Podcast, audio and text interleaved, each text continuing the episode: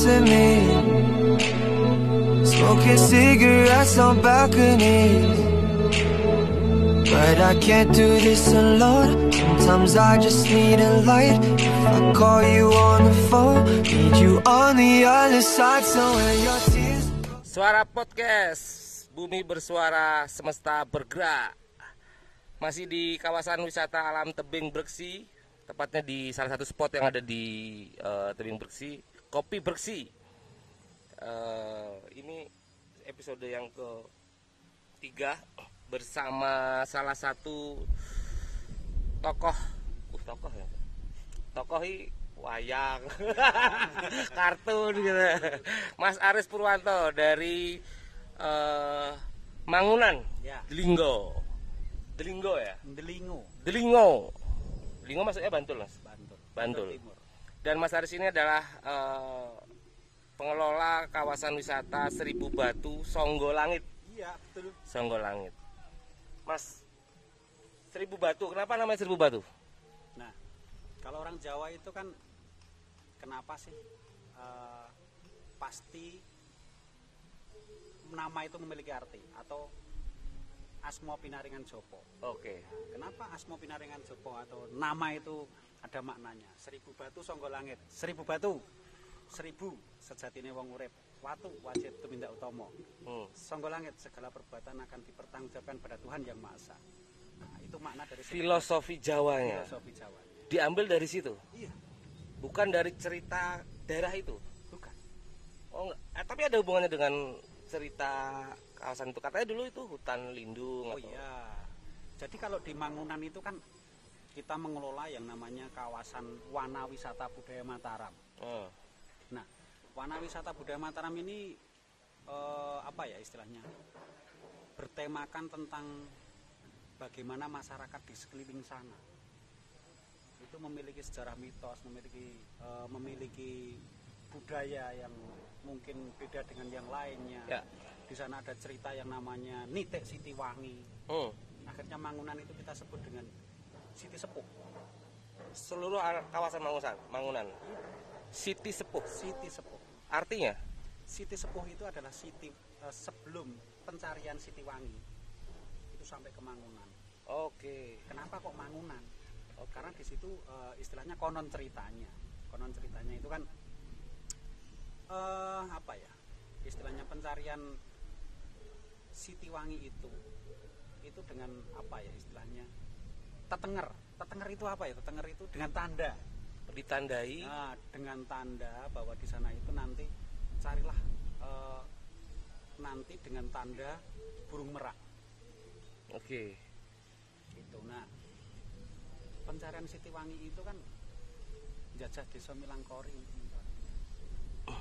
Ini kalau cerita rigidnya saya bi- ada narasinya. Iya, iya. Bisa dua jam. Padahal cuma 30 menit. Jadi singkat cerita bahwa eh, kawasan Mangunan itu punya sejarah apa punya cerita sejarah pada zaman eh, apa ya? Zaman apa namanya Mas itu? Jadi kalau pamannya cerita sejarahnya itu adalah eh, apa ya istilahnya? Ini mungkin bisa saya buka. ya. Harus harus buka ini ya. Biar- harus buka contekan. Secara mitos itu kan ya? Biar tidak geser Mas ya. Iya, Betul betul betul betul. menceritakan Iya. tentang Jadi ini eh, membuka dan menginformasikan karena memang semangatnya suara podcast juga menyebar informasi dan kebaikan gitu mas. Iya, jadi gini gini. gini. Jadi kenapa kok sejarah mitos itu adalah ini kita memiliki legenda di Mangunan di Wana Wisata Budaya Mataram. Jadi nanti kalau datang ke Seribu Batu itu tinggal barcode itu sudah tahu storytellingnya. Oh, Di situ ada apa? Ada rumah seribu kayu, menceritakan filosofi apa masyarakat yang dilakukan di Seribu Batu. disampaikan melalui digital juga ya? Iya, itu sudah kita ini. Jadi contoh Sultan Agung untuk mencari lokasi pemakaman Hmm. itu namanya Sitiwangi sampai sekarang tanah itu masih berbau wangi. Sampai hari ini? Iya, itu di makam Raja Imogi. Pengarah Timogiri di bawah ya berarti ya? Ya. Di bawah di kawasan wisata ini. secara rigidnya nanti nggak cukup. Ah, cukup waktunya. Bahwa nanti datang aja ke Seribu Batu, barcode. itu dia akhirnya. Akhirnya itu dia buat sahabat suara yang yang lalu. Jadi gini Mas, eh, kita selalu tertarik dengan satu atau sebuah kawasan wisata yang lalu tidak hanya pengunjung atau wisatawan menikmati view-nya, Berksi contohnya gitu ya. Tapi ternyata Berksi punya sejarah atau punya legenda gitu tepatnya ya. Ada cerita legenda yang yang mau nggak mau dan harus sebenarnya wisatawan itu tahu. Ya.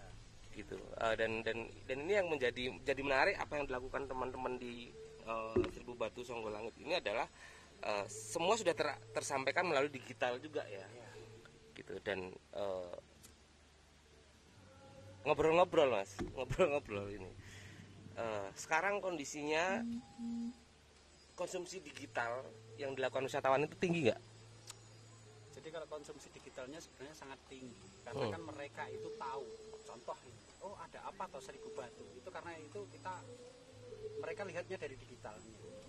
oh gitu Jadi contoh, oh Brexit itu ada apa toh? Kalau Hmm. kita tidak ada promo digitalnya, otomatis banyak ya ya ya tahu. ya, ya. Contoh kalau seandainya kita nih di Seribu Batu, kita memiliki filosofi. Di sana ada rumah seribu kayu namanya. Hmm. Itu sebenarnya itu filosofi kelompok kami. Jadi apa yang kami Oh. lakukan di sana itu kita membuat suatu karya. Namanya rumah seribu Oh. kayu. rumah seribu kayu itu ya ya ya Kenapa ada sembilan? Itu sebenarnya rumah kukusan yang Hmm. sekarang itu yang terkenalnya dengan rumah Hobbit Yogyakarta. rumah hobbit orang orang familiar dengan rumah hobbit Iya. ya Nah, di situ ada gapura. Itu Hmm. mencer- menceritakan di mana kita masuk di kawasan hutan. ya Di situ ada rumah itu ada tiga pilarnya. Tiga pilar itu filosofi kami adalah hubungan antara manusia, alam dan Tuhan. ya Kenapa hubungan manusia, alam dan Tuhan? Karena kita itu harus menyatu di situ. berarti semua yang dibangun di situ penuh dengan filosofi ya Iya. dan itu tersampaikan secara lisan juga nggak mas ke wisatawan Iya. melalui guide Iya, kita sudah menyediakan ada. Iya, Kita iya, ada-. Kalau seandainya males nih, tinggal barcode, baca semuanya dari dari sejarah bangunannya seperti apa sampai ke dalam ke Seribu Batu seperti apa udah ada. di akun sosial media ada juga Kalau akun sosial medianya belum, belum kita masukkan. Tetapi kan itu memang untuk menjadi apa ya sesuatu hal yang menarik. Kalau seandainya kita cuman iya kalau ada semua di digital orang nggak ke sana ya iya menarik menarik, menarik. Eh, mulai membangun atau mengembangkan eh, kawasan wisata itu kapan mas? Tahun berapa saya dimulainya? 2016 itu bulan Maret. Kita mulai masuk nih. Iya. membuat kelompok dan sebagainya. Terus kita merekrut petani hutan yang kita dampingi jangan salah itu. Petani hutan ya? Iya, untuk menjadi pengelola wisata atau pengelola jasa wisata. Mas Aris asli Iya, Mangunan asli Mangunan dan Mas Aris sangat paham berarti ya artinya aktivitas ekonomi mereka di awal sebelum jadi kawasan wisata eh, nah ini yang menjadi menarik adalah Mas Aris punya strategi apa toh untuk merubah kesadaran mereka dari aktivitas ekonomi petani hutan gitu ya dari rumput menjadi penyedia atau pelaku jasa wisata? Kalau awalnya kita memang berbarengan sama teman-teman dengan tokoh-tokoh seperti ketua saya ada Pak Ipung itu kan kita termotivasi kenapa kita termotivasi pada waktu itu secara finansial kalau saya itu sudah memiliki usaha pada waktu itu Hmm. saya sudah memiliki uh, outlet mebler di Ya. Bali di mana nah ya kita orang punya- kaya berarti ya biasa. Biasa. Nah, kan gini, kita hidup itu kan membuat sejarah tentang hidup kita. betul setuju Nah, pangsa Salendra itu bisa membuat Candi Borobudur. ya Nah, sekarang abad keberapa sekarang? masih dikenang punya cerita kita bikin kita bisa mem- membuat sejarah tentang apa? Tentang kehidupan kita. ya setuju Nah, akhirnya ya itulah. Oke kalau seperti itu. Di Delingo ini dulu itu kan daerah kecamatan atau perkampungan yang notabene itu marginal atau apa ya? Orang Terpinggirkan ya? terpinggirkan. Dari segi pendidikannya rendah. fasilitas listrik dulu Ya seperti itulah. Iya. Nah, bagaimana kita bisa merubah mindset dari petani hutan be- bebarengan sama teman-teman itu? Kita termotivasi oleh ketua ketua koperasi saya itu. Akhirnya ya wes kita membuat gebrakan ini untuk Ya. membuat destinasi wisata. Tujuannya apa? Untuk mensejahterakan masyarakat.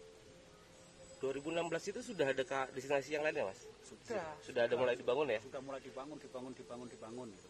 nah di situ eh, jadi gini karena koperasi Notowono itu kan ada di tiga desa Hmm. Terong, Mungko, terus Mangunan. Ya. Nah, yang awal itu yang di Mangunan itu terus ber- dikembangkan, dikembangkan kita bareng-bareng.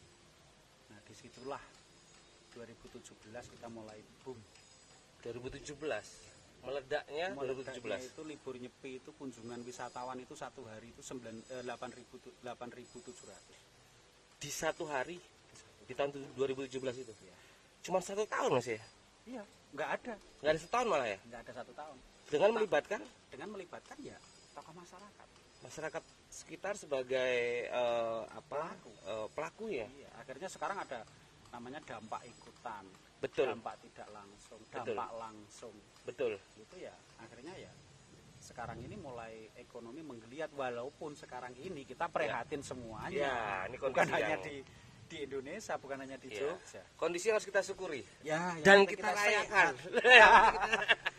2016 sahabat suara itu eh, kawasan wisata atau destinasi wisata Seribu Batu itu dimulai diinisiasi oleh Mas Aris dan kelompok di situ ya tentunya dan sampai hari ini dampak ke masyarakat sangat tinggi nggak mas? Maksudnya dari sisi ekonomi ya? Iya, dari sisi ekonominya karena jumlah di sana itu hampir yang terlibat itu kalau dengan jeep wisata, dengan kuliner itu hampir ada. Kalau seandainya ekonomi normal ini Ya. jumlah kunjungan rata-rata per hari bisa seribu lah, Ya. seperti dulu mungkin sekarang ya hampir 90 orang yang terlibat itu yang dampak langsung. Dampak langsung. Belum yang yang lainnya di luar Di circle luar- itu ya? Iya.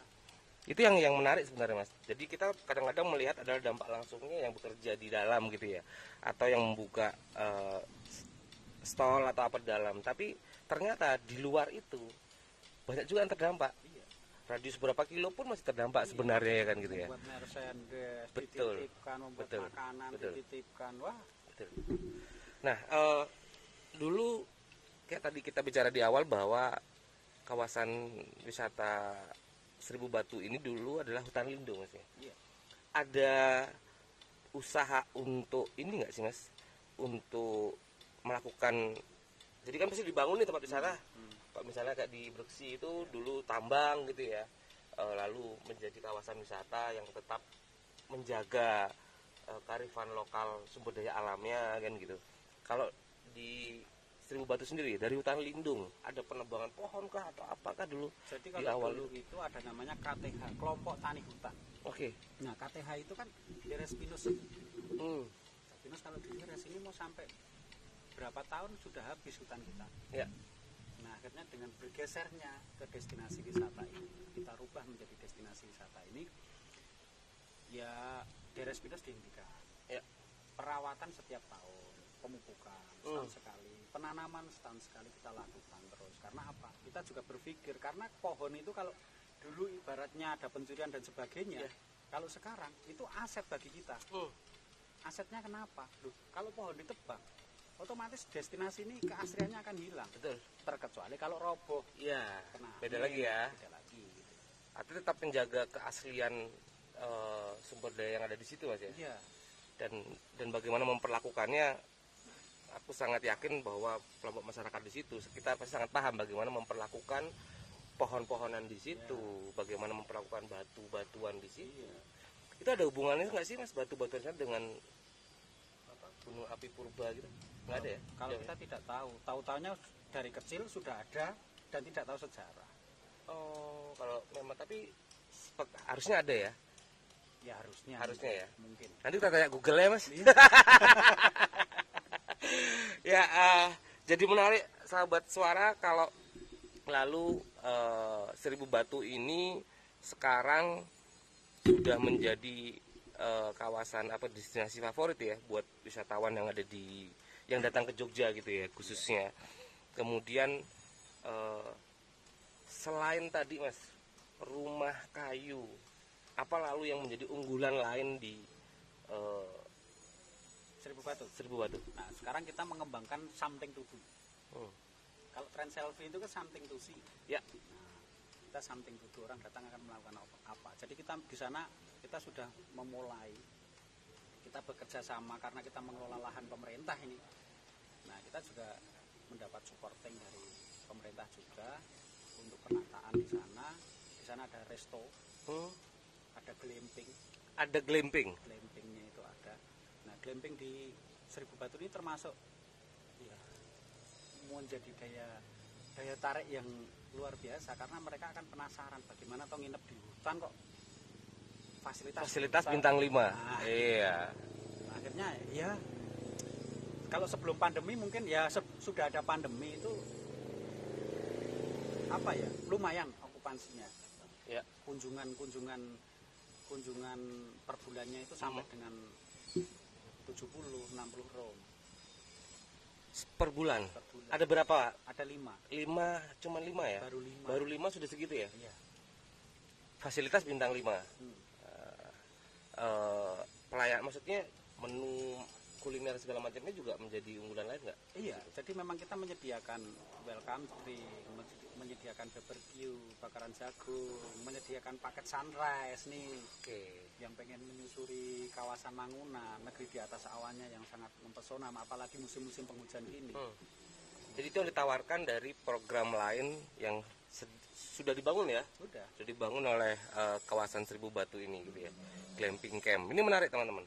Glamping camp ini sebenarnya buatku adalah memberikan pengalaman baru mas ya, Iya, buat buat wisatawan untuk bagaimana menikmati kawasan wisata tidak hanya satu jam dua jam, Iya. tapi sepenuhnya gitu. sepenuhnya. Tidur di situ, Tidur di situ, situ, makan iya. di situ. Malam didongin nggak mas? Dongin tentang sejarah Seribu Batu itu menarik loh ya, Ya, didongengin gitu ya. Sebenarnya kalau kita memiliki apa ya, kalau malam Sabtu, malam Minggu, malam Senin itu ada akustiknya.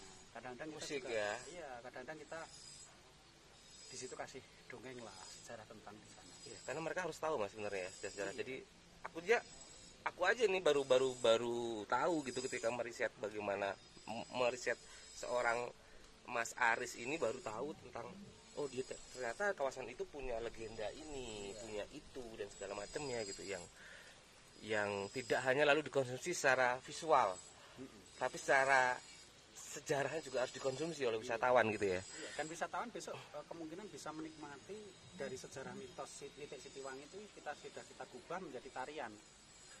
Itu yang menarik. Nah, eh, tarian Nitik Sitiwangi. Sudah dimulai itu? Sudah sudah tampil berapa kali.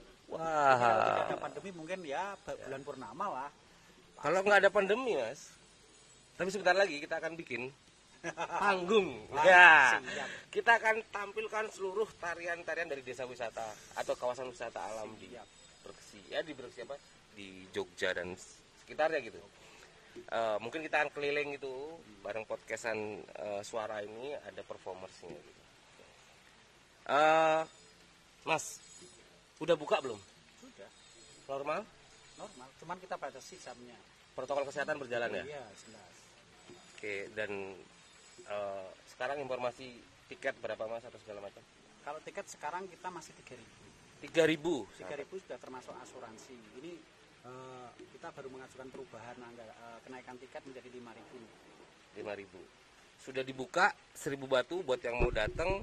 Instagramnya di mana mas? 1000 batu songgolangit. 1000 batu Songgolangit. Semua informasi tentang 1000 batu sudah ada di situ dan sudah dibuka dengan protokol kesehatan. Ya, Glamping sudah dibuka juga. sudah dibuka. Eh, semua sudah mulai ditata kembali pasca PSBB. Oke, balik lagi di Suara Podcast. Pindah. Misbar, Mas. Grimis bubar. jadi memang sengaja nyoba spot baru. Spot podcastnya. Ya, Ya, jadi eh, kopi bersih ini ada beberapa spot. Kalau teman-teman butuh informasinya, yang pertama ada di indoor, ada bangunan apa namanya? Mas? Limasan. lima. Limasan, Ada joglo, ada joglo, ada kemudian panggung terbuka. ada panggung terbuka lagi dibangun. Kemudian ada area outdoor.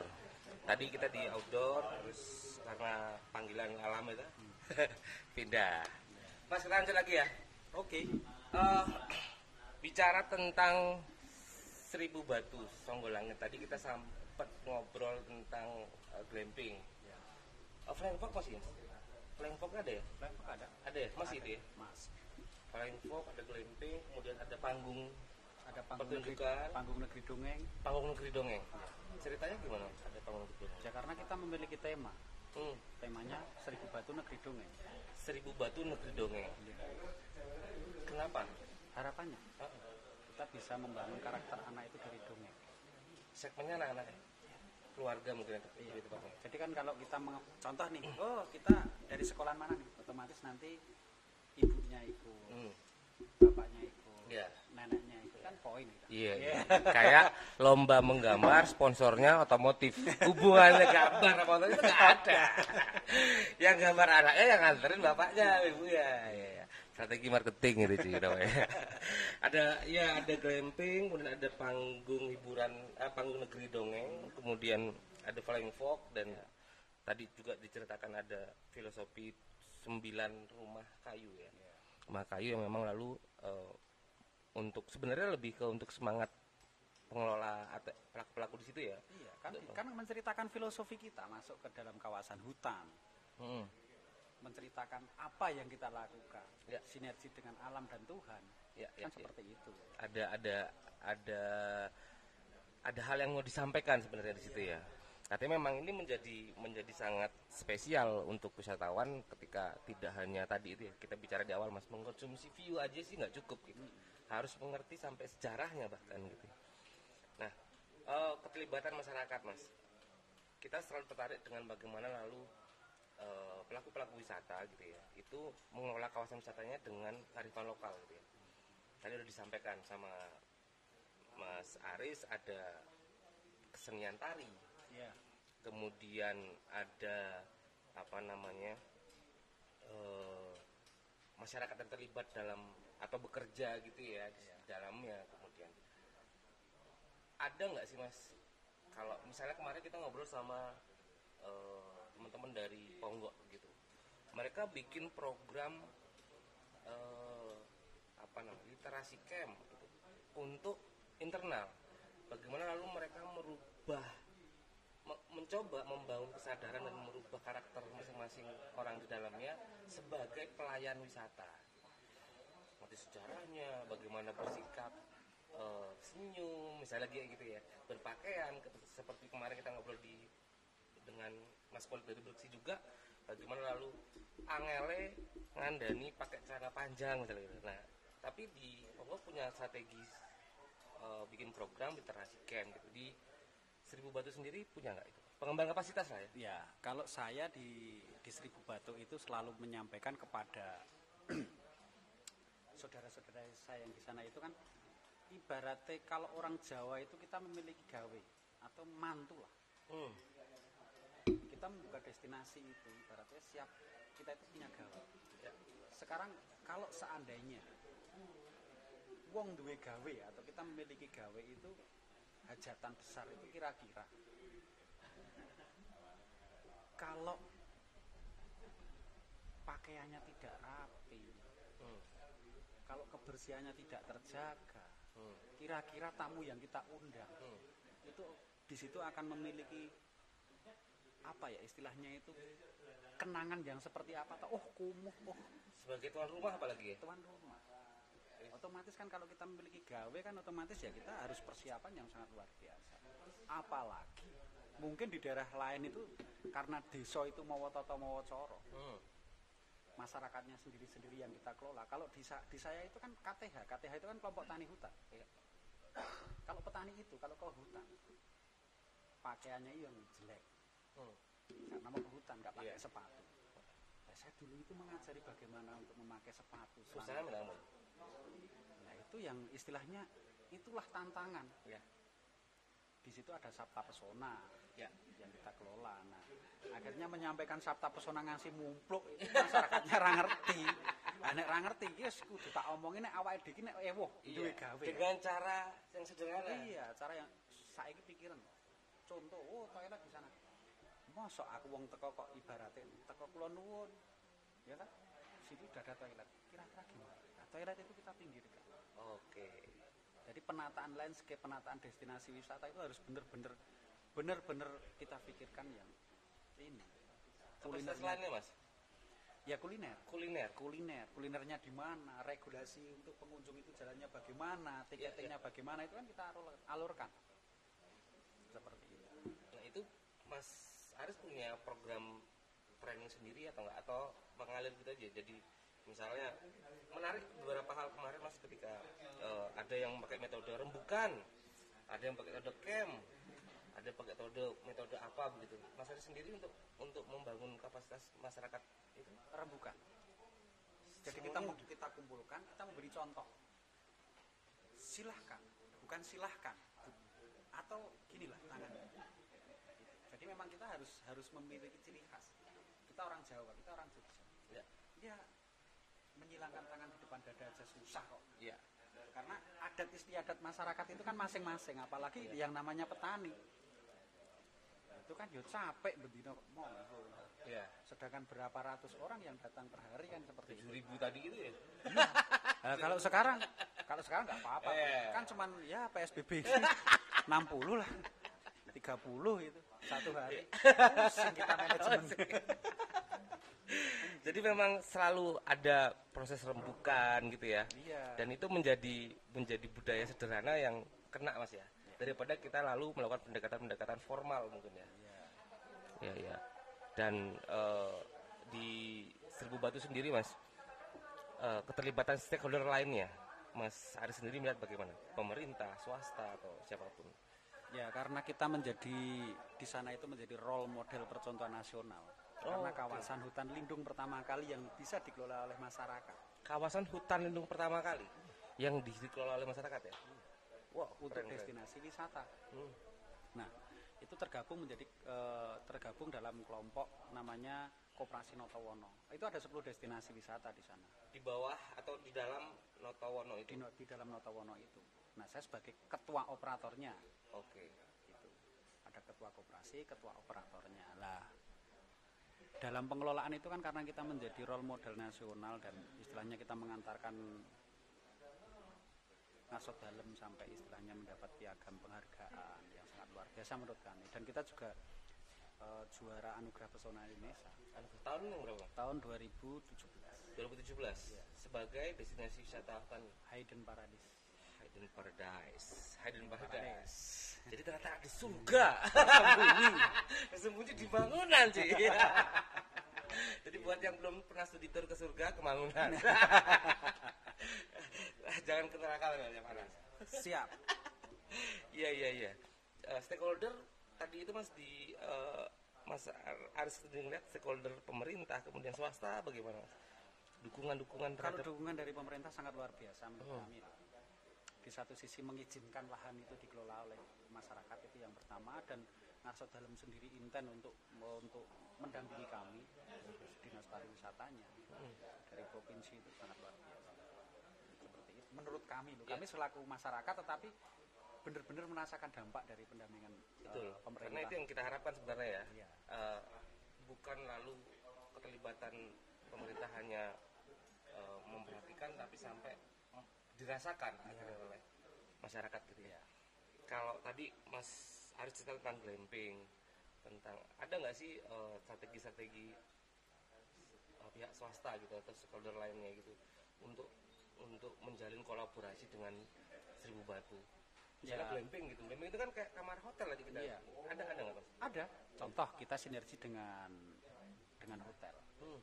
di Seribu Batu itu ada Inagaruda, ada Jambuluwo, ada Unisi, ada BI juga yang Built in di situ ya. Iya, CSR ke sana.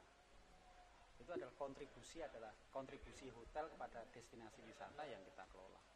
Karena mau nggak mau mereka juga mendapatkan dampak tidak langsung dari destinasi wisata-wisata yang ada di Jogja gitu ya. Iya.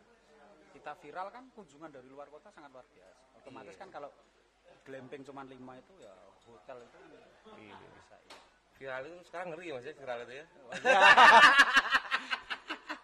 itu itu Iya, sebenarnya iya. kalau pikiran saya itu sebenarnya promosi tetapi Iya. manajemen konflik lah. Marketing yang paling eh, apa?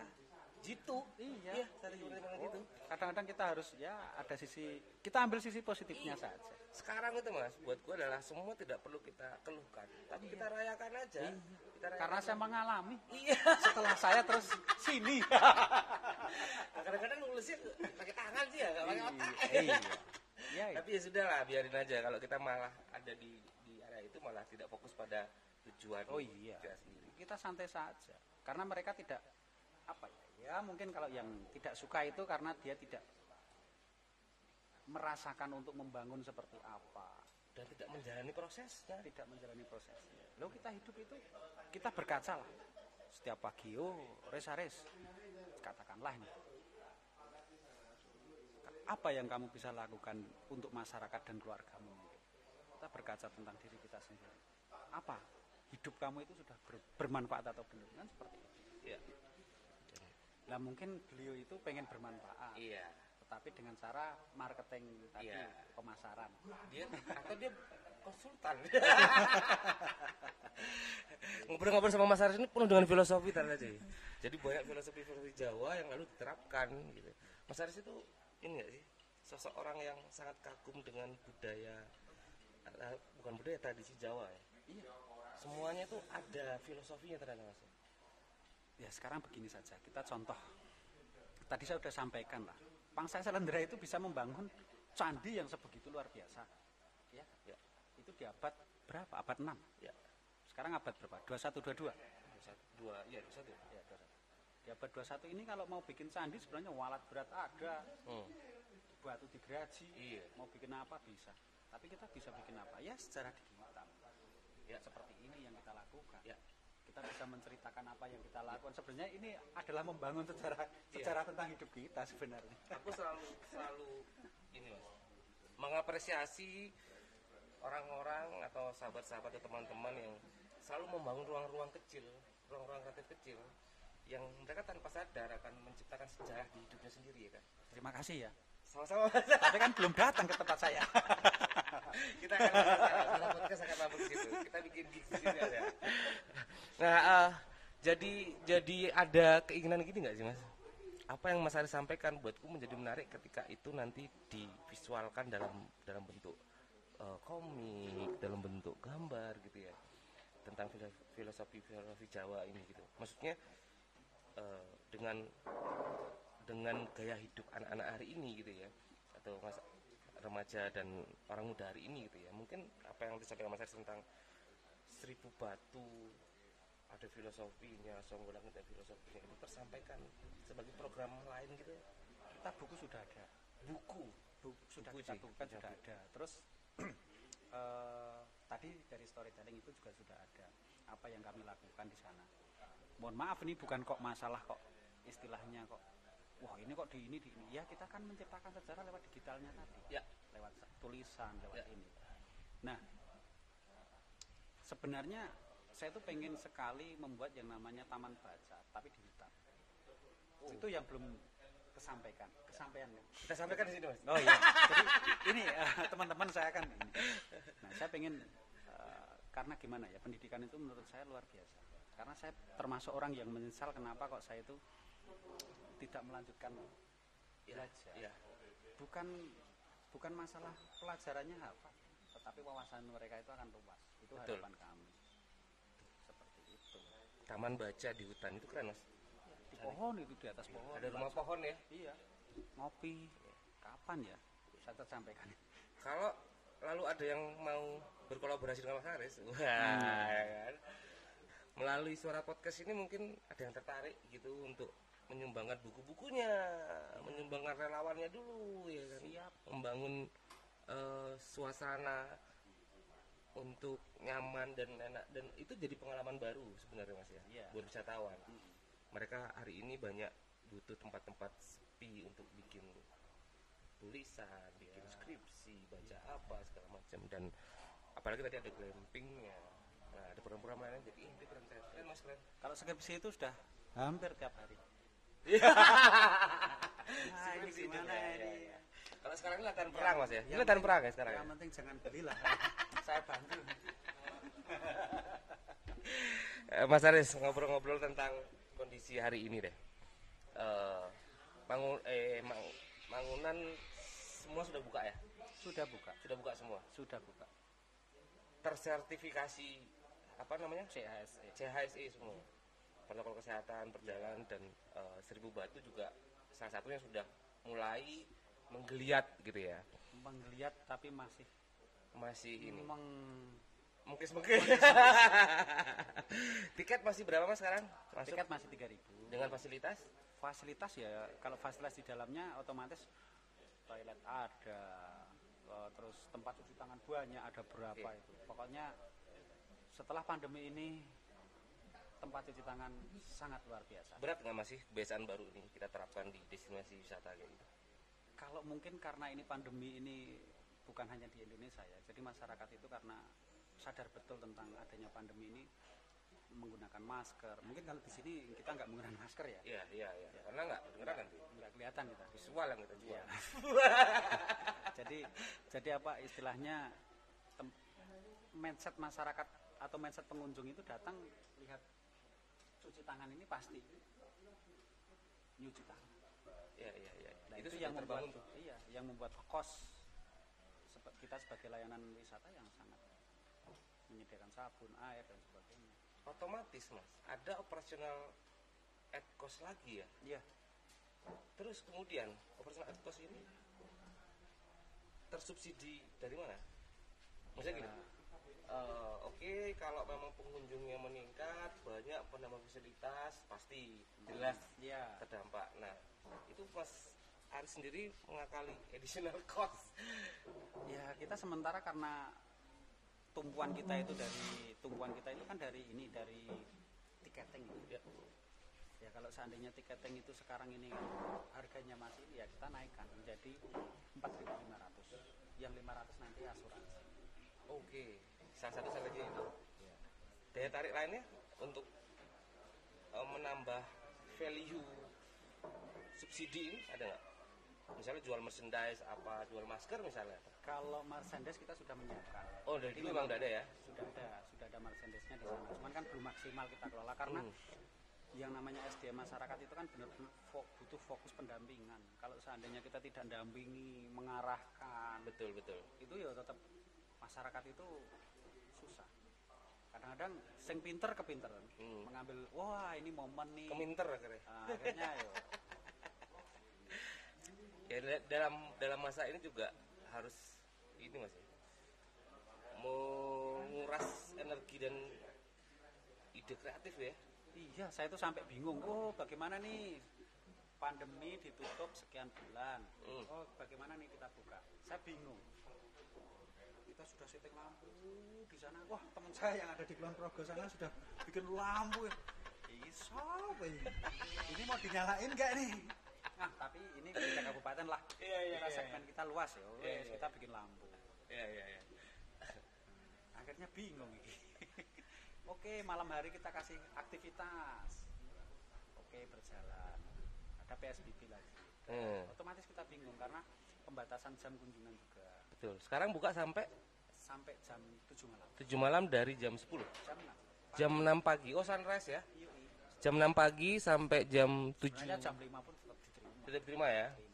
Bangun yang susah gitu. karena apa ya kalau dulu itu sebelum ada ini mungkin dari jam 5 sudah ada jam 4 itu sudah ada oh, sini ada homestay nggak sih mas? ada Berarti bisa menginap sebenarnya ya. Bisa, jadi bukan hanya glamping Iya, iya, iya. bangunan itu menawarkan ada homestay ada camping Hmm. Homestay homestay milik masyarakat ya pasti. Iya, ya? milik masyarakat. Harganya pun murmer. Murmer ya. Sebenarnya ya tadi tadi itu mas homestay dan glamping itu bukan sekedar tempat menginap buatku, tapi lebih apalagi homestay ya. eh, live in ya. Mereka tinggal dengan masyarakat, budaya tradisi masyarakat sangat mudah diserap. Artinya ada komunikasi yang terbangun itu sebenarnya yang menarik sih. Gitu. Kalau glamping mungkin pengalaman baru nih menginap di outdoor di alam terbuka tapi ada fasilitas bintang limanya. Ya jadi menarik. Nah kalau strategi yang lainnya mas, eh, ada beberapa destinasi wisata yang sekarang memilih untuk dalam kondisi ini ya pandemi ini ya psbb apalagi memilih untuk menciptakan daya tarik lain eh, atau atraksi lain seperti kuliner yang diunggulkan, tidak lagi eh, view, tidak lagi atraksi eh, pertunjukan. Di Seribu Batu sendiri. Sebenarnya kalau di Mangunan sendiri itu banyak kita sudah ber- dalam gini. Di satu tim itu sebenarnya kita tim yang kuat. Hmm. Tetapi kita itu juga bersaing untuk berkreativitas. Ya. Apa yang kita tonjolkan, oh dari kulinernya sudah, oh da- dari ininya Ya. sudah. Cuman kan keterbatasan kita sekarang ini kita mau ngapain kalau kebijakan ibaratnya loh ini kan Iya. kebijakan ini dengan kondisi darurat kan? Iya. ya kita tunggu ini selesai ya kita action lagi. Sambil membenahi apa yang bisa kita Iya. lakukan gitu ya. Ya fasilitas pasti ini infrastruktur pasti mas ya. Pasti. sekarang punya waktu lah ya. Punya waktu. Duitnya nggak ada. Ya itu yang masalah itu. Itu masalahnya. ada duitnya nggak ada. Nah, saya, yang saya itu yang kadang-kadang untuk berpikir ini kesejahteraan itu gimana tuh? Iya iya iya Mas Aris ngakali gimana mas? Untuk 90 orang yang ada di situ? Ya kita manajemen tenaga kerjanya. Oh. Kita mengolah di situ. Harusnya kalau dulu itu full lah Hmm. satu bulan ya sekarang shift shift. Sementara itu yang bisa kita lakukan ya? Iya. Dan hari ini tidak ada yang salah mas. Maksudnya bukan manajemen yang salah bukan mereka juga yang salah. Kondisinya memang gitu. Ya ketika ada orang yang marah kemudian eh, kecewa dan segala macam dengan kondisi ekonomi hari ini ya memang ini yang yang terjadi hari ini ya. Iya, sa- satu dun- sak dunia ya. Sak dunia bukan sak mangunan ya. mangunan ya. bukan sak mangunan sak dunia.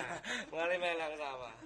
Segala informasinya ada di tentang seribu batu ada di instagramnya at seribu batu. Seribu batu. Songgolangit songgolangit facebooknya ada? Ada seribu batu songgolangit seribu batu songgolangit juga. Youtube? YouTube ada juga. Sama namanya? Ya sama namanya. Jadi ada tiga eh, channel digital atau sosial media yang bisa teman-teman atau sahabat suara nanti eh, ulik dikepoin dan segala macamnya asal yang benar nulisnya gitu ya. Kondisi hari ini kondisi sensi mas semuanya ya nggak sih? Iya. Yang mbok yuk kita mengapresiasi semua hal gitu ya. Karena Harusnya. harusnya harusnya. Harusnya. buat buatku gitulah tapi ya kita nggak bisa menyamakan semua ya. Dan soal ini mas. Eh, soal wisatawan hari ini. Eh, rata-rata berapa untuk kondisi psbb lah yang tahap pertama kemarin? Tahap kedua kan lagi berjalan nih. Tahap pertama itu oke lah kita sudah ada kenaikan. Oke.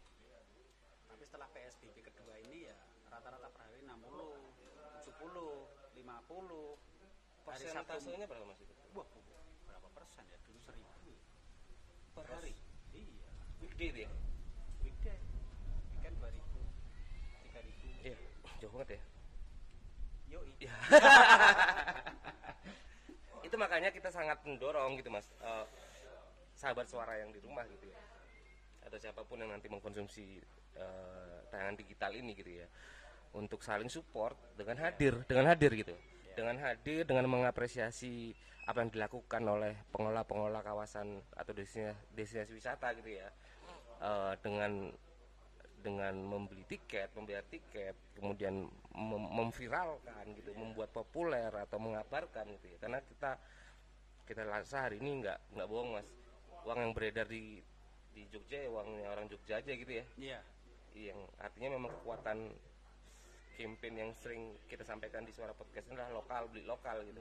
Ya kalau bukan kita kita lagi siapa lagi yang bisa mau menambah value di masing-masing destinasi wisata ini. Mas Aris, ada yang mau disampaikan nggak buat sahabat suara nih? Oke, buat sahabat suara datang ya ke Seribu Batu nih. Bisa nginep di glamping, ya, bisa menikmati suasana alam atau mau camping dengan view alam yang sangat luar biasa dengan tiketing yang terjangkau di sana. Mau paket sunrise dengan jeep wisata juga ada. Jeep wisata ada. Glamping berapa mas? Glamping? 800 ribu, 800 ribu untuk 4 orang 4 orang sudah all in ya? sudah all. Breakfast, makan batu karena seribu batu. Breakfast, dinner ada barbecue. Iya. Nanti kalau ada Kalau mau barbecue nanti itu paketan, jadi harga Oh, paketan. pokoknya 800. Oke, jadi tapi makan malam dapat ya? Dapat. Makan malam eh, breakfast, kemudian ada ada sunrise gitu ya. Sunrise wisata, sunrise. Kemudian teman-teman juga bisa mungkin ketemu Mas Aris ngobrol tentang filosofi Jawa, arti garis tangan misalnya gitu. Oh iya boleh. Kalau mau tarot. Sesuai tarot. dukun. gitu eh, sahabat suara Mas Aris matur nuwun sudah hadir di suara podcast semoga eh, kondisi jadi cepat gitu ya Mas ya Amin. lebih baik gitu dan kita bisa beraktivitas normal lagi eh, jauh eh, lebih normal daripada hari ini gitu ya Iya. dan salam buat teman-teman di Seribu Batu Mas. Kita akan hadir nanti di sana. M- mungkin dengan membawa seperangkat alat. Seperangkat alat bunyi-bunyian Oh, dan siap. rombongan sirkus. Ya.